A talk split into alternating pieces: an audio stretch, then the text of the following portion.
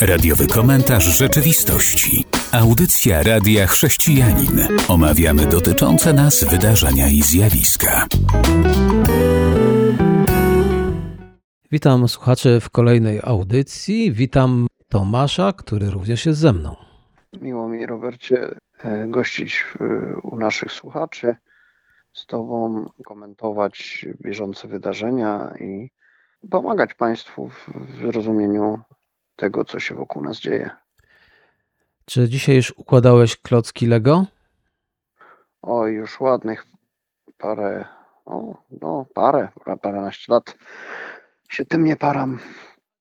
Dzieci wyrosły. A dzisiaj jest Międzynarodowy Dzień Lego. To tak przy okazji wspominam, może ktoś jeszcze sobie dzisiaj zdąży poukładać. A my teraz już przechodzimy do naszej pierwszej wiadomości. O tym kraju rzadko mówimy, więc Estonia. I Estonia nie przedłuży już zezwolenia na pobyt metropolicie Eugeniuszowi, zwierzchnikowi estońskiego kościoła prawosławnego patriarchatu moskiewskiego, dlatego że obawiają się o bezpieczeństwo narodowe. Okazuje się, że ci duchowni, jakby nie było, no to wciąż y, grają, ale nie po tej stronie, czyli nie po stronie Estonii. I w tym wypadku ten również. No tak Estonia jak i, i Łotwa mają poważny problem z y, kilkudziesięcioprocentową y, mniejszością postsowiecką, no głównie rosyjską, czy przynajmniej rosyjskojęzyczną. To jest właśnie pozostałość historyczna. Pamiętajmy, że od XVIII wieku te dawne inflanty, które miały też związki historyczne z Polską, z Szwecją, Danią w historii, y, y, tereny te od średniowiecza były też kolonizowane przez, przez ludność niemiecką, tak zwani bałtyjscy Niemcy, Także był, był to już konglomerat kulturowy od, od czasów reformacji, właśnie dzisiejsza Łotwa Estonia przyjęły protestanty, z większości ta ludność była protestancka, no to jednak czas, głównie XIX wiek i XX, to jest silna tam obecność e, rosyjska, co za tym idzie prawosławna, a już najgorsze, najgorszych rzeczy doświadczyły te kraje w okresie II wojny światowej i, i potem w czasie przynależności do Związku Radzieckiego. W czasach stalinowskich większość e, na przykład Estończyków została wywieziona gdzieś w głąb e, tego wielkiego państwa. E, dopiero w latach 50. mogli wracać, a w miejsce tej wcześniej wysiedlonej ludności niemieckiej i represjonowanej miejscowej historycznych mieszkańców, no to, to pojawiało się cała masa osób z innych republik Związku Radzieckiego, głównie Rosjan. I, I dzisiaj w tych dwóch krajach ta mniejszość rosyjskojęzyczna stanowi spory odsetek. Nie, nie wszyscy zdają egzaminy z języków narodowych, e, co za tym idzie, nie mają pełni praw obywatelskich i nie zawsze przez to stają się też e, obywatelami Unii Europejskiej, chociaż mieszkają na terenie państw europejskich. I znaczna ich e, część to są wyznawcy prawosławia, i to właśnie w tej obediencji moskiewskiej, czyli są podporządkowani patriarchatowi moskiewskiemu. Tylko niewielka część prawosławnych w tych krajach tworzy kościoły odrębne, związane bezpośrednio z, z ekumenicznym patriarchatem Konstantynopola, czyli, czyli w, obecnym tureckim Stambule. I zwłaszcza w, po przystąpieniu tych państw do, tutaj mówimy o Estonii, do Unii Europejskiej, a, a teraz po pełnoskalowej agresji e, Rosji na Ukrainę, te, te stosunki y, się tam zaogniają i prawosławie, mm, to, to moskiewskie, które popiera reżim rosyjski, no, nie jest mile widziane i w ocenie władz Estonii, podobno zresztą sytuacja jest właśnie na, na Łotwie, w ich ocenie no jest, jest, stanowi zagrożenie. Zresztą te państwa pryncypialnie pomagają Ukrainie, wspierają ją i nazywają Rosję państwem terrorystycznym, a postrzegają no, przedstawicieli patriarchatu moskiewskiego jako, jako niemile widzianych i działających na, na rzecz imperium zła, no mówmy to, no, nazwijmy to po imieniu. Stąd taka, taka restrykcyjna polityka wobec, wobec duchownych. Więc nie chodzi tutaj o prześladowanie y, przedstawicieli świata religii, ale raczej O politykę. E, ograniczanie wpływów politycznych, bo, bo ta cerkiew e, moskiewska to, to wiemy, że w wielu krajach działa na rzecz państwa, konkretnego państwa, nie, niekoniecznie spełnia funkcje religijne, ale pod płaszczykiem religijnym zajmuje się polityką i to, i to na rzecz imperium, imperium zła. Że nie, nie dziwota, że, że władze estońskie tak, tak reagują. Tutaj należy jeszcze powiedzieć, że ma obowiązek opuszczenia kraju do 6 lutego, a pomimo ostrzeżeń on kontynuował działania uznane za niezgodne z wartościami prawnymi Estonii, no i dlatego uznali to za działania zagrażające bezpieczeństwu państwa. A co on robił? Między innymi usprawiedliwiał reżim kremlowski za to, co zrobił, za te działania militarne Rosji. A teraz zapraszam do wysłuchania utworu muzycznego.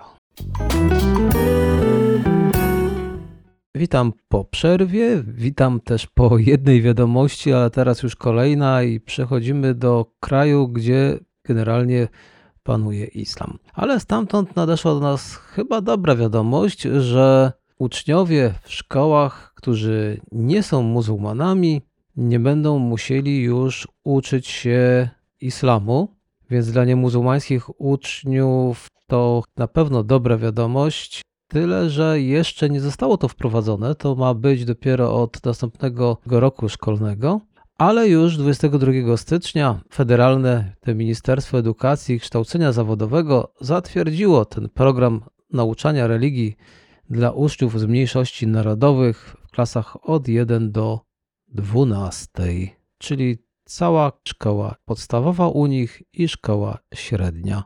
I teraz nie będą musieli się uczyć. Nie wiem, co im się stało, ale to faktycznie brzmi dobrze.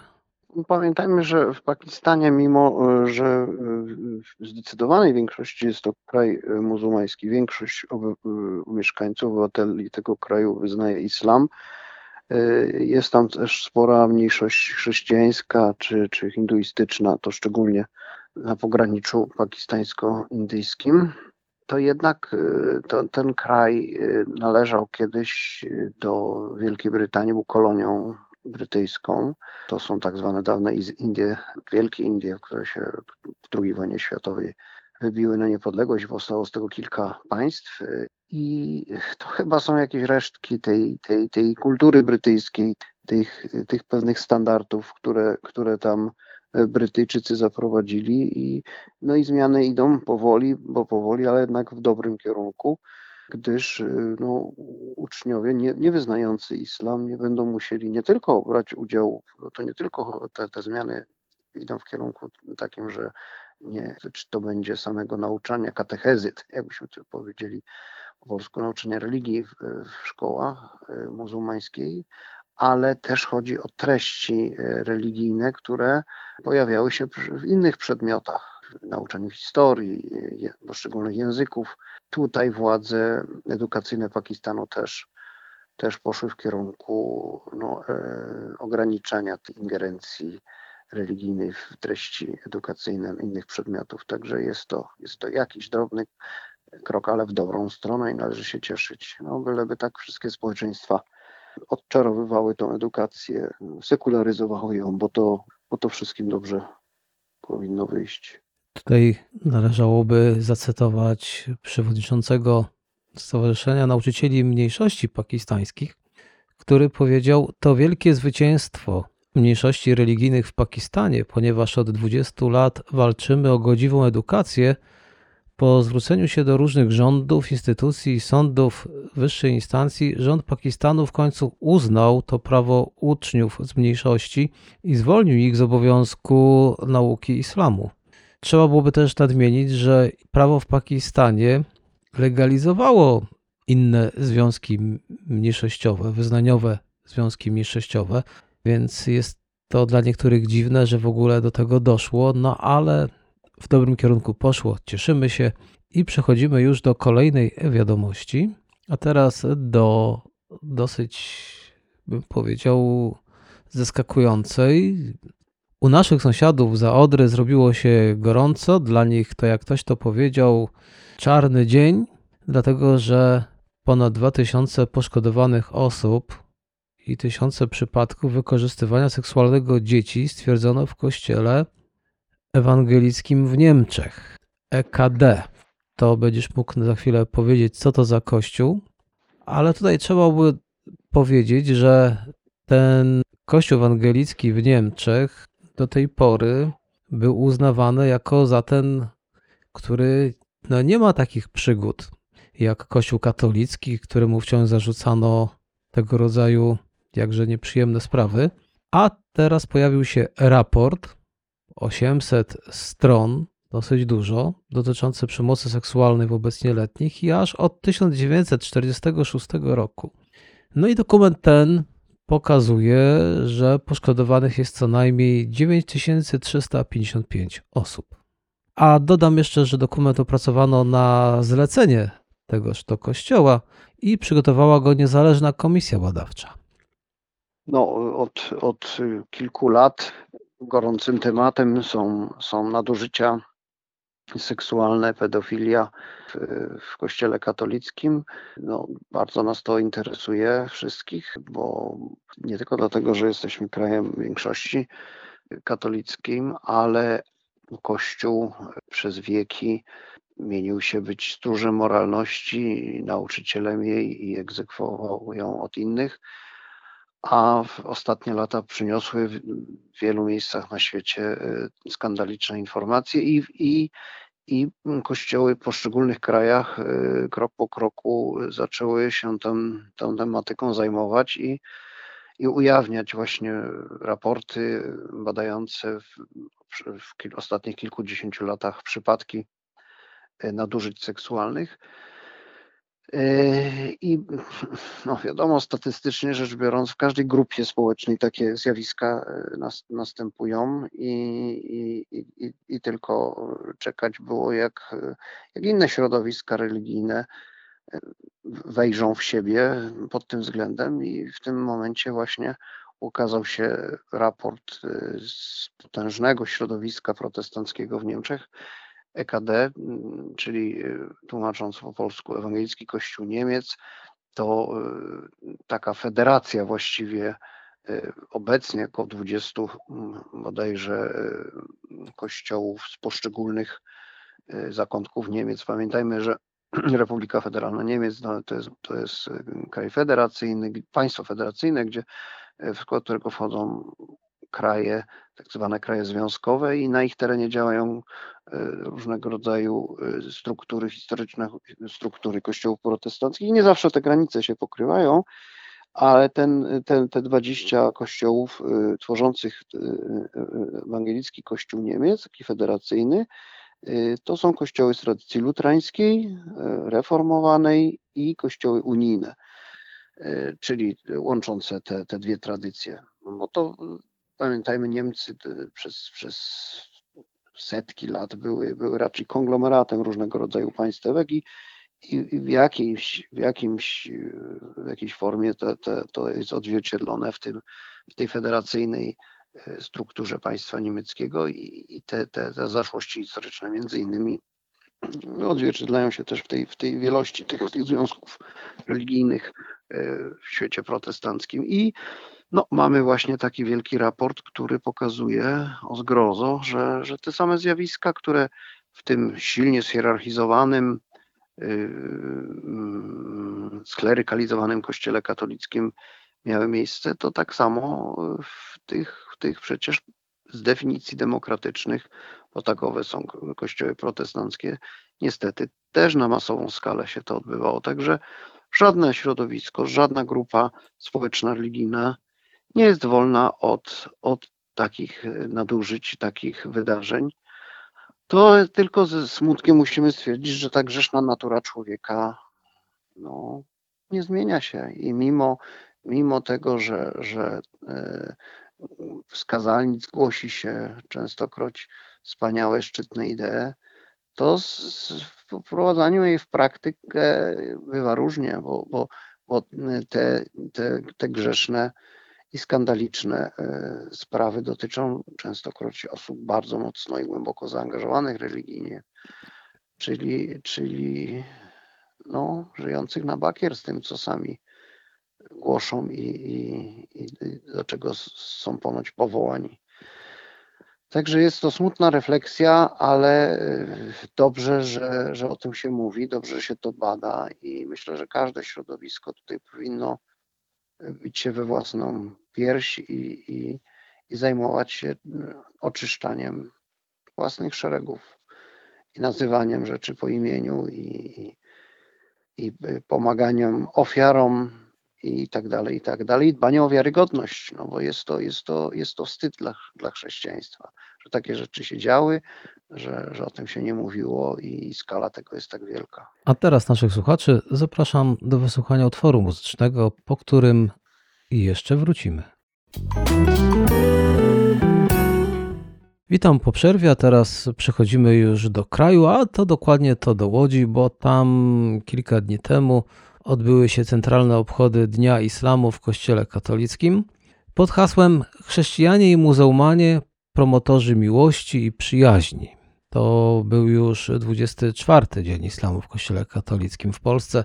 Warto jeszcze tutaj dodać, że podczas centralnych obchodów, które jak ja to czytałem, to dopiero miały się odbyć w Łodzi, to miano przedstawić obydwie religie, miano czytać Biblię i Koran, modlić się i dyskutować. I tutaj to mnie głęboko zastanawia. My raczej powinniśmy ewangelizować muzułmanów, a nie razem z nimi czytać Biblię i Koran i modlić się razem. No, muzułmanie mają pewnie prawo myśleć analogicznie, ale w wszystkich działaniach ekumenicznych nie chodzi o wzajemnie nawracanie się, ale przede wszystkim poznawanie się i, i szukanie tego, co, co wspólne. Myślę szczególnie na, na styku takich religii, które mają na sumieniu y, historyczne jakieś zaszłości nieprzyjemne. Ten Dzień Islamu w Kościele katolickim to jest y, taki polski wkład do ruchu ekumenicznego, bo, bo bodajże jako pierwszy właśnie kraj na świecie, gdzie to tak zaczęto regularnie obchodzić, to Polska. Należy dodać, że, że to e, ten Dzień Islamu zawsze następuje dzień po zakończeniu tygodnia modlitwy jedność chrześcijan, bo w tym tygodniu właśnie się skończył już od stu bodajże lat obchodzony tydzień. Między 18 a 25 stycznia zawsze e, chrześcijanie w wielu miejscach na świecie e, razem spotykają się w różnych formach nabożeństw, konferencji, by, by rozmawiać o tym, co chrześcijan łączy. I od pewnego czasu y, ten tydzień modlitwy jedność sześć, powszechnej modlitwy jedność chrześcijan został wzbogacony o, o dzień judaizmu. To jest właśnie dzień poprzedzający, czyli 17 stycznia i dzień islamu, czyli dzień po zakończeniu tego tygodnia, 26 stycznia. I uważam, że wszelkie formy spotykania się, dialogu, y, poznawania się, uczenia ludzi tolerancji, szacunku, wiedzy przede wszystkim o, sam, o sobie pomagają rozładowywać różnego rodzaju napięcia, zwłaszcza tam, gdzie w krajach, gdzie, gdzie do, tych, do, takich, do takowych napięć czy, czy nawet prześladowań wzajemnych dochodzi. I każda inicjatywa, gdzie ludzie się spotykają, by poznawać, należy ją popierać i, i chrześcijanie powinni uczestniczyć w takich rzeczach, gdzie się szerzy pokój, gdzie się mówi o braterstwie ludzi. Y, to nie przeszkadza w prezentowaniu swoich przekonań i otwieraniu się, poszukiwaniu i osoby, które, które w, w ten czy inny sposób chcą swoją, swoje przekonania zweryfikować, przynależność religijną, to, to te, te dwie kwestie ze sobą nie stoją w sprzeczności. Generalnie podoba mi się, kiedy rozmawiają chrześcijanie i razem się modlą, bo mają tego samego Boga. Tutaj jednak jest już całkiem inny problem, tu jest pod górkę, ale dobrze, na razie zostawimy ten temat, pewnie kiedyś do niego wrócimy.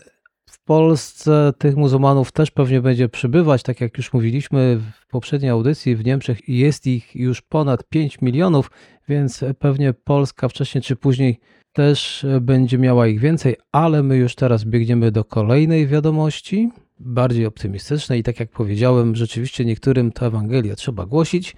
I w tym tygodniu mamy rocznicę. Misjonarz ze Stanów Zjednoczonych wyjechał do Afryki. Ale co takiego szczególnego w tym, że kiedy on się udał do Afryki, było to 23 stycznia 1821 roku, to był byłym niewolnikiem i został pierwszym afroamerykańskim misjonarzem w Afryce. No to tylko się cieszyć. Pamiętajmy, że wtedy raczej ruch był w drugą stronę. To ludność afrykańską w XVIII wieku i jeszcze w początkach XIX wieku wywożono do, na kontynent y, amerykański właśnie jako niewolników do, do pracy, a ten były niewolnik, bodajże nazywał się Lot Carey, jako pierwszy były niewolnik popłynął w drugą stronę, by wygłosić Ewangelię na, na kontynencie, skąd pochodzili jego przodkowie. Był to, był to baptystyczny misjonarz, który początkowo miał pracować w Sierra Leone, ale były tam pewne komplikacje i ostatecznie w Liberii, państwie założonym przez byłych niewolników właśnie z, z pochodzących z, z północnej Ameryki, którzy przybyli z powrotem na kontynent afrykański.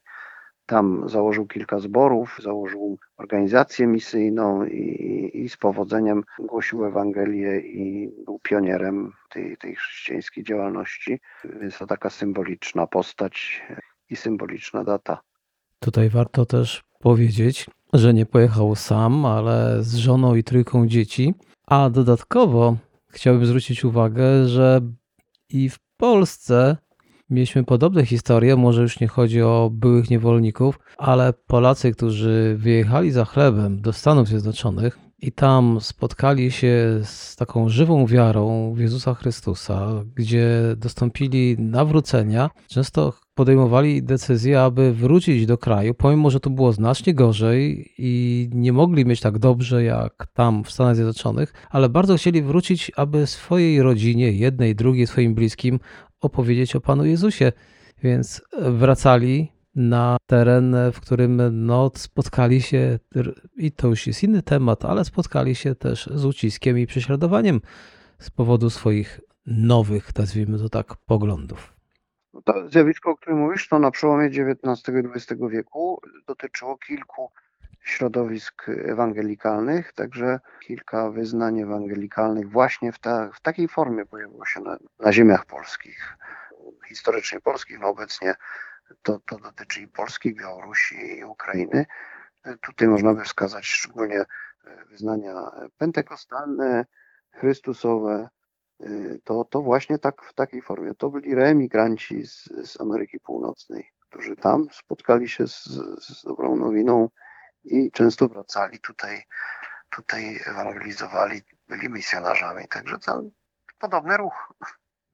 I kończąc nasze dzisiejsze spotkanie, chciałbym podzielić się cytatem, który wpadł mi w oko, choć już pewnie krąży w internecie, ale pierwszy raz miałem okazję przeczytać i spodobał mi się. Nie mów Bogu, że milczy, gdy Twoja Biblia jest zamknięta. Warto otwierać i czytać. Tak, tak mówi do nas Pan Bóg, właśnie poprzez Biblię. I do tego chciałbym wszystkich zachęcić, abyśmy otwierali Biblię jak najczęściej, aby pozwolić Bogu do nas mówić, aby Bóg do nas mógł przemawiać, abyśmy mogli wiedzieć, o czym jest napisane w Biblii, dlatego że bardzo często te dyskusje, które ludzie prowadzą i wręcz kłótnie, mogłyby nie mieć miejsca, dlatego że nie mieliby się o co kłócić, bo kłócą się ludzie o słowa, nie znając Biblii, mówiąc, że to tam jest, a tego tam nie ma. A co za tym idzie jeszcze, co jest ważniejsze, to to, że wiedzieliby, co Pan Bóg ma im do powiedzenia, czyli nam. Ktoś kiedyś powiedział, że Biblia to jest taki list miłosny do człowieka. No to jeżeli Pan Bóg pisze list do człowieka, chce powiedzieć mu o wielu dobrych rzeczach, a człowiek sam sobie wymyśla, co Bóg chce mu powiedzieć, a nie chce sam się przekonać, co Bóg mówi, no to tak, to ludzie dochodzą wtedy do różnych wniosków, na przykład do takiego: Bóg mnie nie kocha, Bóg się mną nie interesuje, Bogu na mnie nie zależy, a jest wręcz odwrotnie. I tą krótką refleksją kończymy nasze dzisiejsze spotkanie. Dziękuję za uwagę, dziękuję Tomaszowi. Dziękuję Robercie. Do miłego usłyszenia wszystkim Państwu. Do usłyszenia. Był to radiowy komentarz rzeczywistości.